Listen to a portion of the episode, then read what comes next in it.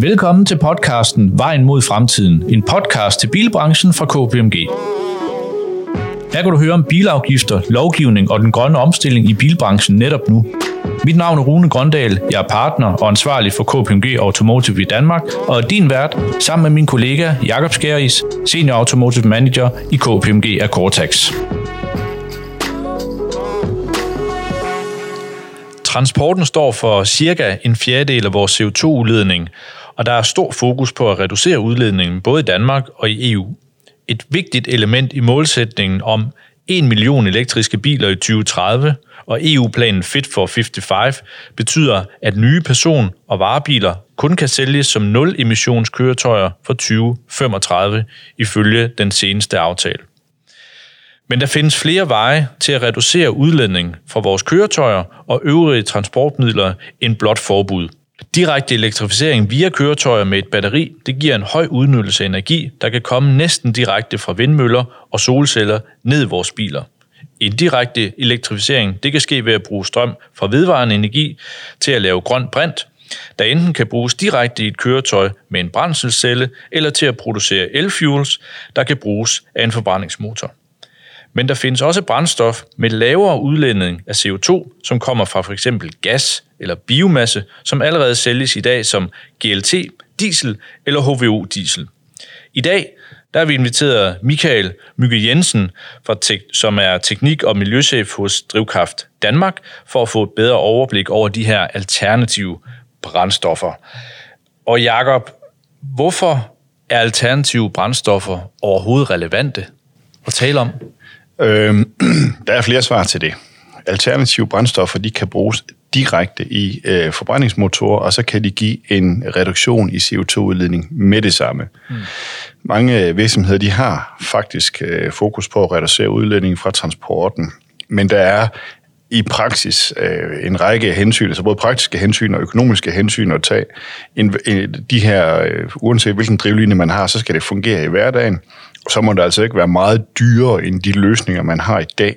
Nej. Fordi når det kommer til stykket, så vil kunderne reelt kun betale øh, enten ingenting eller en meget lille merpris øh, mm. for at få øh, miljøvenlig transport. Mm. Elbiler, det fungerer rigtig fint til personbiler og varebiler med lidt begrænsninger i forhold til rækkevidde og ladning, men det ligner altså ikke den rigtige løsning til tung transport. Og så er der altså den krølle, at der vil være køretøjer med forbrændingsmotor på vejene mange år endnu, så det er altså vigtigt at, at reducere udledningen fra det brændstof, som de skal bruge. Og derfor så investerer øh, for eksempel Porsche også i øh, det her e-fuel.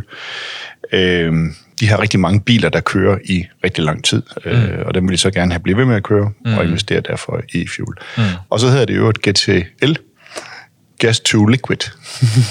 Gas to Liquid. ja. yes. Men lad os høre uh, Michael, ja. hvad han har at sige. Ja, jamen... Øh Velkommen her i studiet til dig, Michael. Jo, tak for det, jeg måtte komme. Det er vi glade for. Bare sådan helt overordnet, ganske, ganske praktisk. Øh, når nu benzin, det hedder E10, hvad betyder det så egentlig? Jamen, det betyder jo sådan, igen meget overordnet, at øh, så indeholder benzinen op til 10% bioetanol. Mm. Og det er jo så, øh, E'et står for etanol. Øh, nu sagde jeg bioetanol, men det er bare etanol i almindelighed. Og så 10, det står for de 10 procent, det kan indeholde. Og det er lidt det samme, hvis man øh, flyttede sig hen til dieselstandarden, hvis det var sådan en bil, man havde. Så står der B7, og det står så for biodiesel 7 procent, som er det maksimale indhold, som dieselen må indeholde. Mm. Så det vil sige, at de brændstoffer, vi hælder i, i dag, hvis man har en benzin eller diesel, de er allerede en tand mere miljøvenlige, end de var i gamle dage. Ja, og så er det jo så spørgsmål, hvornår du siger gamle dage, for det, det har de været siden 2011, ah, okay. hvor biobrændstofloven kom, og det blev et krav til øh, brændstofleverandørerne, at de skulle sikre en vis procentdel biobrændstoffer i de brændstoffer, de leverede, øh, som en del af, af, af Danmarks nationale målsætninger om CO2-reduktion. Hmm nu er der også kommet lidt mere fokus på biomasse, hvor det kommer fra. Mm. Der er noget med generation 1 og generation 2, øh, som jo generation 2, kan du ikke lige forklare det, hvis det er vist affald, hvad forskellen er, og, og, og hvad det betyder for, for markedet. Øh, der er noget med det, generation 2 hvis er det bedste, men findes i begrænset mængde, eller hvordan er det nu, det er? Ja, altså, man skal måske lige gå et skridt højere op og sige, at øh, øh, helt overordnet øh, den lovgivning, vi har i Danmark, er, at øh, brændstofleverandørerne er forpligtet til at sikre en vis form eller en vis CO2-reduktion for de brændstoffer, de leverer. Og mm. det øh, kommer jo så fra, at øh, de bruger biobrændstoffer, men hver enkelt biobrændstof har ikke den samme CO2-reduktion i forhold til diesel, netop fordi der i produktionen af biobrændstofferne bruges energi og dermed også måske fossil energi, eller der vil øh, produktionen af biobrændstofferne, hvis det er noget, som det du så siger som første generation, der også der dækker over øh, afgrøder, det vil sige korn, sukker eller vegetabilske olier, øh, som bruges som råvarer i produktionen af biobrændstofferne. Hvis det var øh, sukker eller øh, korn, så er det til bioetanol typisk, og når det er vegetabilske olier, jamen, så er det til biodiesel. Mm. Det er det, man kalder første generation, og det er også den diskussion, der er jo omkring netop øh, er det så det rigtige at bruge, fordi øh, øh det kunne være brugt som fødevare eller et eller andet sted i noget fødevare lignende. Og øh, der er også øh, hele den her diskussion om ejluk afskovning, at hvis vi bruger noget øh, fødevare i Danmark, eller dyrker noget korn i Danmark og laver bioetanol af det, så er der noget mark et andet sted, som så vil blive opdyrket til det, og så fremdeles så lige pludselig ender vi i en regnskov i Indonesien. Øh, det gør vi ikke, når det er affaldsbaseret, fordi så er det jo netop i sagens natur affald fra noget, vi har brugt. Så det kunne være øh, halmen fra, fra korn, kornmarken, øh, som øh, blev brugt til at producere bioetanol øh, gennem nogle øh, enzymprocesser og tilsvarende, eller det kunne være øh, affald fra slagterierne, som ikke kan bruges øh, til anden vis, øh, som så bliver brugt til at lave biodiesel af, eller øh, brugt frityreolie, øh, affaldsolier øh, rundt omkring, som man samler ind og så øh, laver om til biodiesel. Udfordringen er jo selvfølgelig, at øh, affaldsmængden er begrænset, og vi skal også sikre os, at vi ikke begynder at producere, hvis man kan sige det sådan, affald, fordi affaldet øh, lige pludselig bliver en ressource i mm. form af, at det kan anvendes til at opfylde vores øh, iblandingskrav, CO2-fortrængningskrav. Mm. Men filosofien er jo, at affaldet ikke har nogen CO2-emission, fordi det netop er affald, mm. og er produceret, fordi vi vil have en vare mm. på baggrund af altså kornet, for eksempel. Ja. Hvad med sådan noget som HVO-diesel? Ikke? Det er jo fra biomasse. Hvor kommer det fra? Eller? Ja, det kunne jo, altså det, det, det kan være biomasse. Altså, mm. øh, i, nu lidt vi lidt tidligere med at tale om gamle dage. Mm. Øh, øh, så i, i starten af, af sidste år 10, hvor man brugte biodiesel også, mm. eller og stadig bruger det, øh, der kunne det godt være palmolie for eksempel, ja. øh, der blev brugt, fordi det er jo en, altså alt andet lige er det jo en ekstremt effektiv plante, øh, højt udbytte øh, per hektar og øh, også lettere for arbejde og arbejde med. Øh, udfordringen er jo selvfølgelig, at øh, palmolie dyrkes øh, i øh, områder, hvor der også er regnskov, og hvis man udvider dyrkningen af palmolie, jamen så fælder man regnskov, og det er der ikke særlig god klimaeffekt ved, og, og alle mulige andre miljømæssige komplikationer ved, så det skal vi selvfølgelig undgå. Derfor er palmolie også forbudt mm. i dag som, okay. som, som råvarer til biodiesel. Mm. Men, men det er sådan den type, man for eksempel kunne bruge til HVO, hvor man øh, tager den vegetabilske olie, og så øh, kommer den, man den igennem en, en proces, og det er derfor, det hedder HVO, altså hydrogeneret, det vil sige brintbehandlet vegetabilsk olie. Mm. Øh, og det betyder bare, at man øh, øh, behandler, altså processer, øh, den vegetabilske olie med øh, sammen med brint, og så får man noget, der stort set ligner diesel, og faktisk i nogle sammenhænge øh, er bedre end diesel, for det, det er et meget mere rent produkt, øh, indeholder ikke aromater som, som diesel, mm. indeholder altså de her ringstrukturer, mm. øh, som øh, laver partikeldannelse, når det bliver brændt af i motoren. Øh, der får du en meget mere ren forbrænding med HVO. Øh, udfordringen er jo som sagt, at hvis HVO'en var baseret på palmolie, så var øh, klimaeffekt og miljøeffekt øh, omdiskutabel, øh, mm. sagt med et pænt ord. Ja. Øh, hvorimod, øh, og det er jo så den vej, det går igen, hvis HVO'en er, er baseret på noget, selvom det hedder vegetabilsk olie, hydrogeneret vegetabilsk olie, så kan det jo sagtens være affaldsolier eller, eller andre øh, tilsvarende, og så øh, har vi jo en anden klimaeffekt.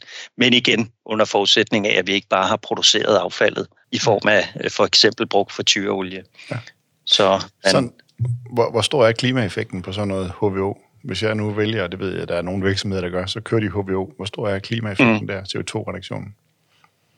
Ja, den kan jo være øh, sådan i et vugge til grav perspektiv, mm. det vil sige helt fra ja. øh, øh, mark, øh, som, som, som så i den her tilfælde ikke tæller med, for det det netop er affald, men og så gennem fabrikken og så øh, ud til øh, slutdestinationen, øh, lastbilen, jamen så kan den være 90 procent eller højere øh, i forhold til referen- ja, til 90 procents reduktion eller mm. højere i forhold til referencen, som er almindelig diesel. Ja. Og, og, og nogle biobrændstoffer, altså de øh, almindelige øh, første generations biobrændstoffer, ligger måske mellem 60 og 80 procent, afhængig af hvor effektiv øh, metoder, der bliver brugt øh, i produktionen. Men så er udfordringen selvfølgelig på, på første generations biobrændstof, for det, det er den her såkaldte ILUC-effekt, øh, og det er det CO2-fortrængningskravet kan være med til mm. at, at sikre, fordi at øh, det er jo også, der er jo også en CO2-effekt ved det her ILUC, altså Indirect Land Use Change, mm. eller hvor at øh, det, der hedder og, øh, i sidste ende at fælde regnskov. Og hvis ja. man regner det med ind, så er der jo nogle biobrændstoffer, der har en negativ mm. klimaeffekt. Og det, det er noget af det, vi og vores medlemmer har arbejdet meget intens på at sikre kommer med ind i regnemetoderne, så vi netop undgår den her diskussion omkring, at vi i, i, i sidste ende øh, fælder regnskov, når vi vælger at bruge biodiesel. Mm. Hvad med øh, sådan noget som GTL? Det er jo gas til liquid. Øh, ja. Det er vel noget meget af det, det kom vel fra Rusland, gjorde det ikke? Det var vel gas derovre fra, eller hvad? Har konflikten betydet noget? Gas er blevet dyrt. Ja, øh, gas er blevet dyrt, øh, men Øh, jeg er ikke bekendt med, at der er så meget øh, GTL-produktion øh, fra Rusland. Øh, mm. Det meste GTL øh, kommer øh, ned fra Mellemøsten, mm. Katar og, okay. de, altså, og, og tilsvarende, mm. øh, hvor der øh, ligger nogle øh, store fabrikker og er bygget ja. nogle store fabrikker, fordi de jo øh, med deres... Øh, har meget naturgas, det har russerne også, men der har man øh, valgt at, at sende det via, via øh, pipelines til Europa. Øh, der er ikke samme øh, lette adgang for øh, gasfelterne i, i Mellemøsten, så, mm. så der har man bygget det. Og det, det har jo haft de konsekvenser, men, men øh, det er jo også stadigvæk, skal man huske, det er naturgas, det er baseret på. Du kan sagtens lave det på biogas, øh, og så få øh, det samme produkt, men igen, så er det jo en diesel-lignende produkt, og fordi det den måde, man, man, man, man, man reelt set starter med at, at have et kulstof og et brintmolekyle, øh, og så bygger man øh, næsten øh, som, som Lego-klodser, eller noget, der minder om det, så sætter man øh, de molekyler sammen, så man får nøjagtigt den unikke sammensætning af, af, af, af GTL'en, som gør, at den, den brænder så rent og, og, og er så effektiv i, i dieselmotoren.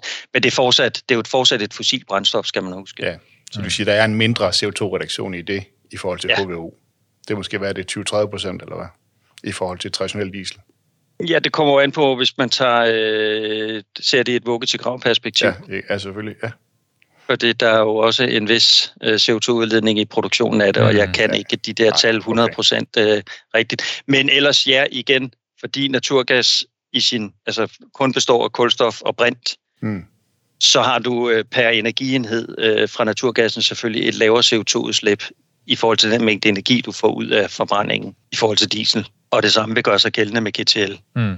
Nu har vi jo blandt andre Mercedes og Volvo, de har jo indgået et samarbejde om de her brændselscelle lastbiler, som lanceres om nogle, nogle år, øh, og de kan jo køre på, på det, vi kalder grøn brint.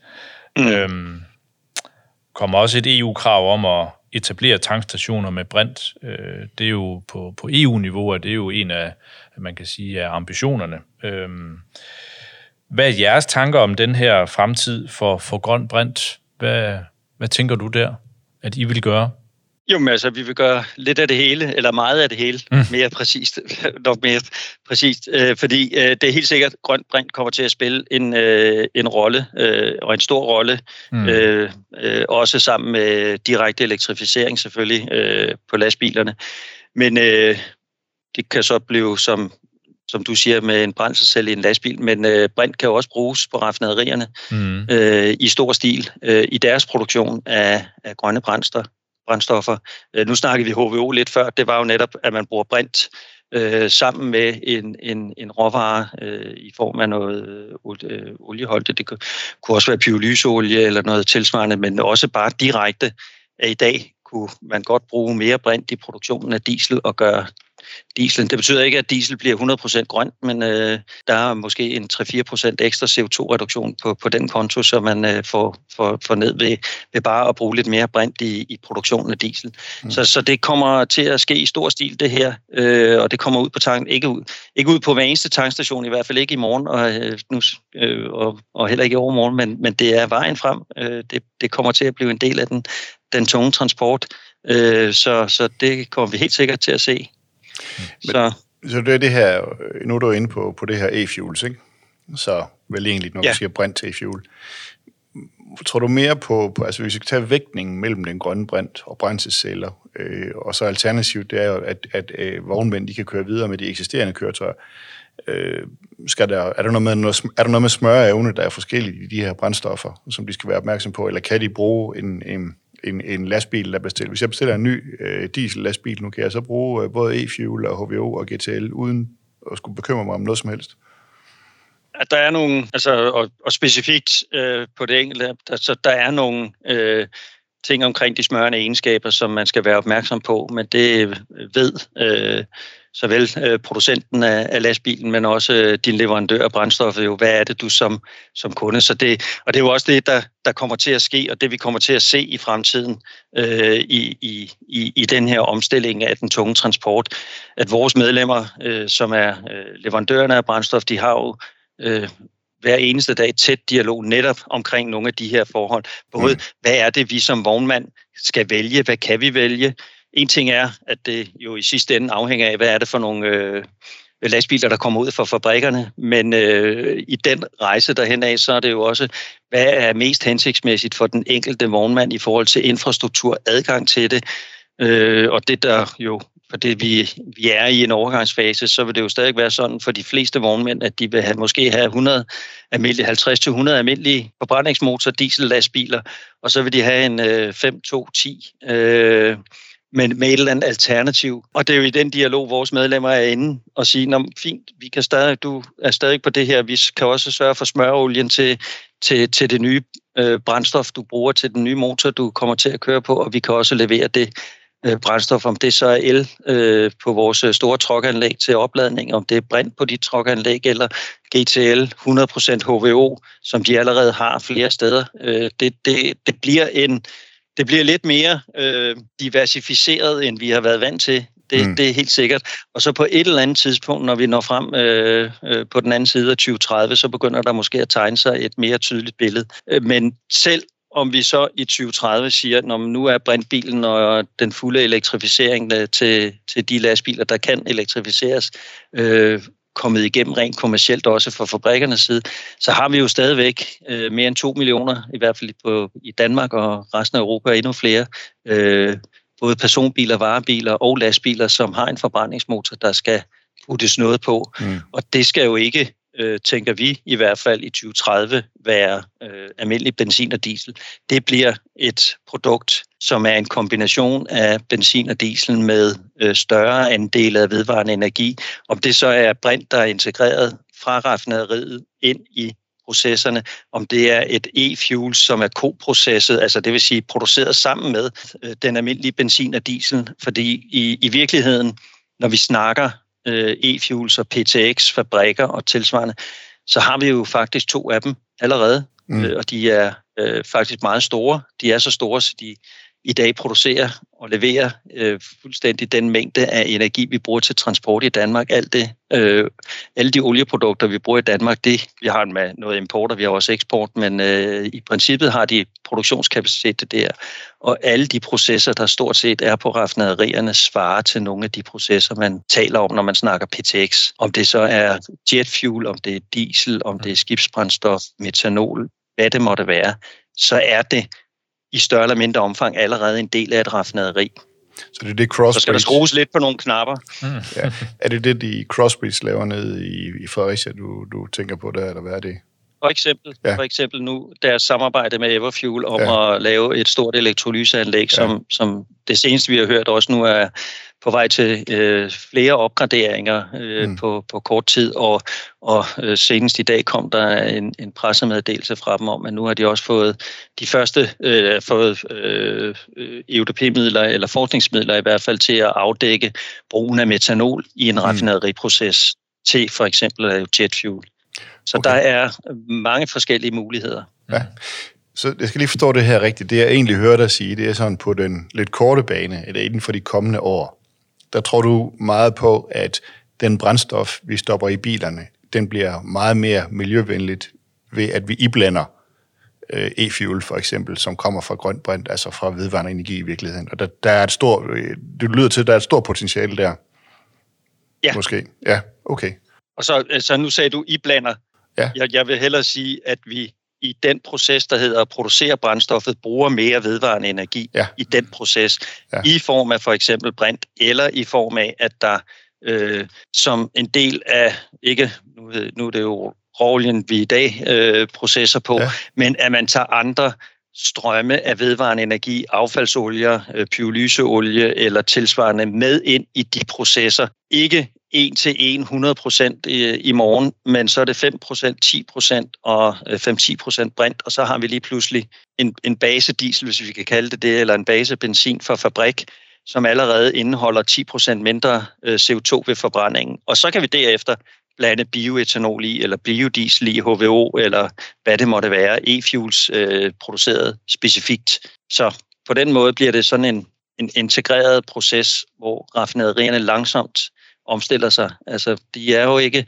De er, når de i dag øh, processer råolie øh, på et raffinaderi, så er det jo fordi, det er det klart billigste, og det er mm. også det, de ja. er bygget til.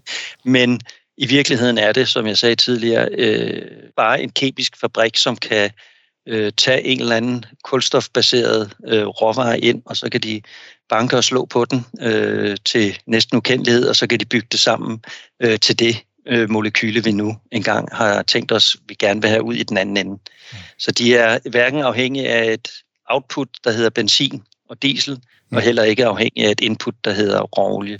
Ja.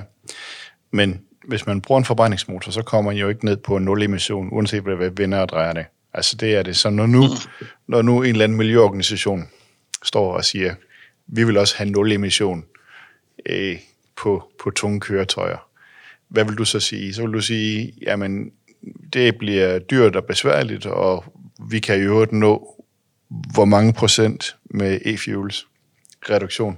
Jamen, i virkeligheden kan du nå 100 procent okay. med e-fuels. Hvis vi, afhængig af hvordan du igen definerer nul emission, der er jo to to, to, ja. to, to, to måder at, ja, det er at den vuggegrav, hvor man indsamler.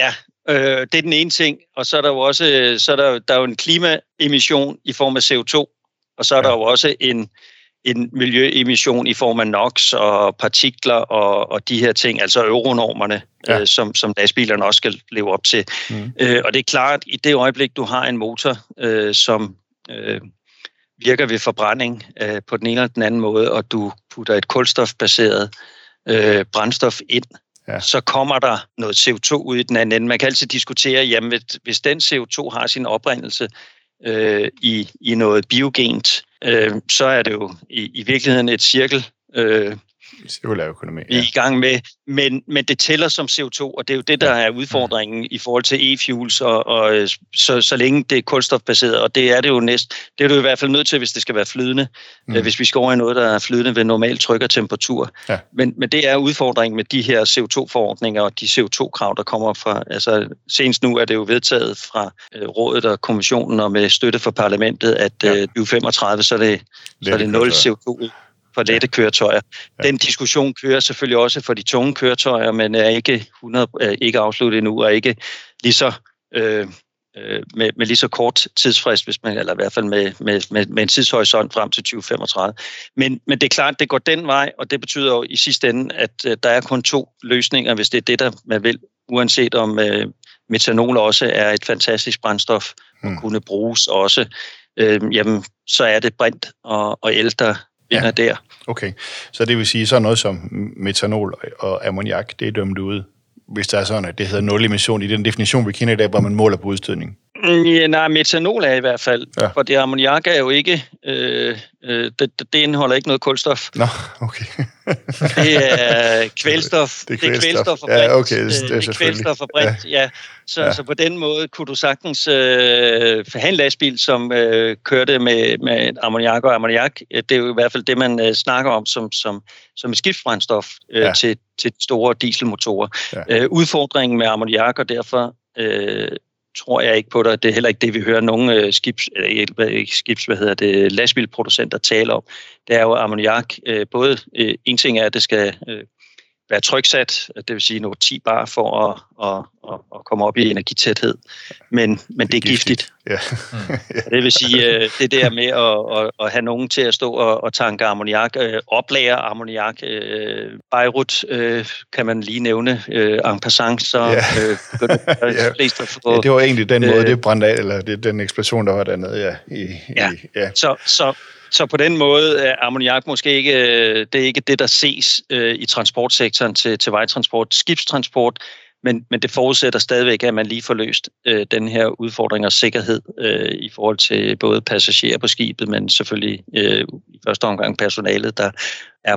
Øh, så, så, men, men, øh, men ellers, etanol kommer helt sikkert til at være en, en løsning øh, i skibstransporten. Altså senest har vi jo hørt Mærsk ja. øh, bestilt øh, hvad er det, otte skibe, mm. som, som skal kunne sejle på metanol.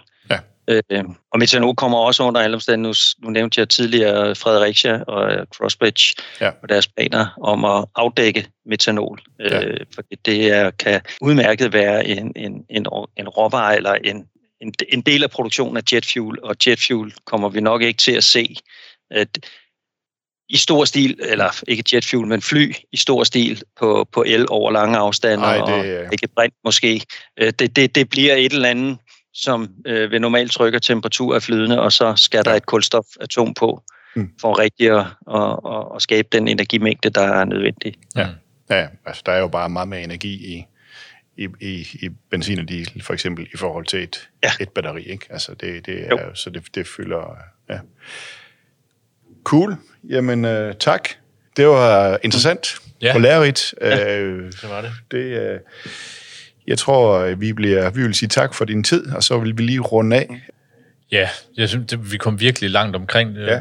Virkelig yderst relevant, og altså, i sådan den store debat vil jeg næsten våge at påstå lidt overset. Øh, reelt set, så synes det var super at komme, at komme, at komme så godt øh, rundt. Øhm, men Jakob, hvis du lige skal tage tre, altså de tre vigtigste pointer med her, med fokus ind i vores bilbranche her, ja. hvad, hvad er det så?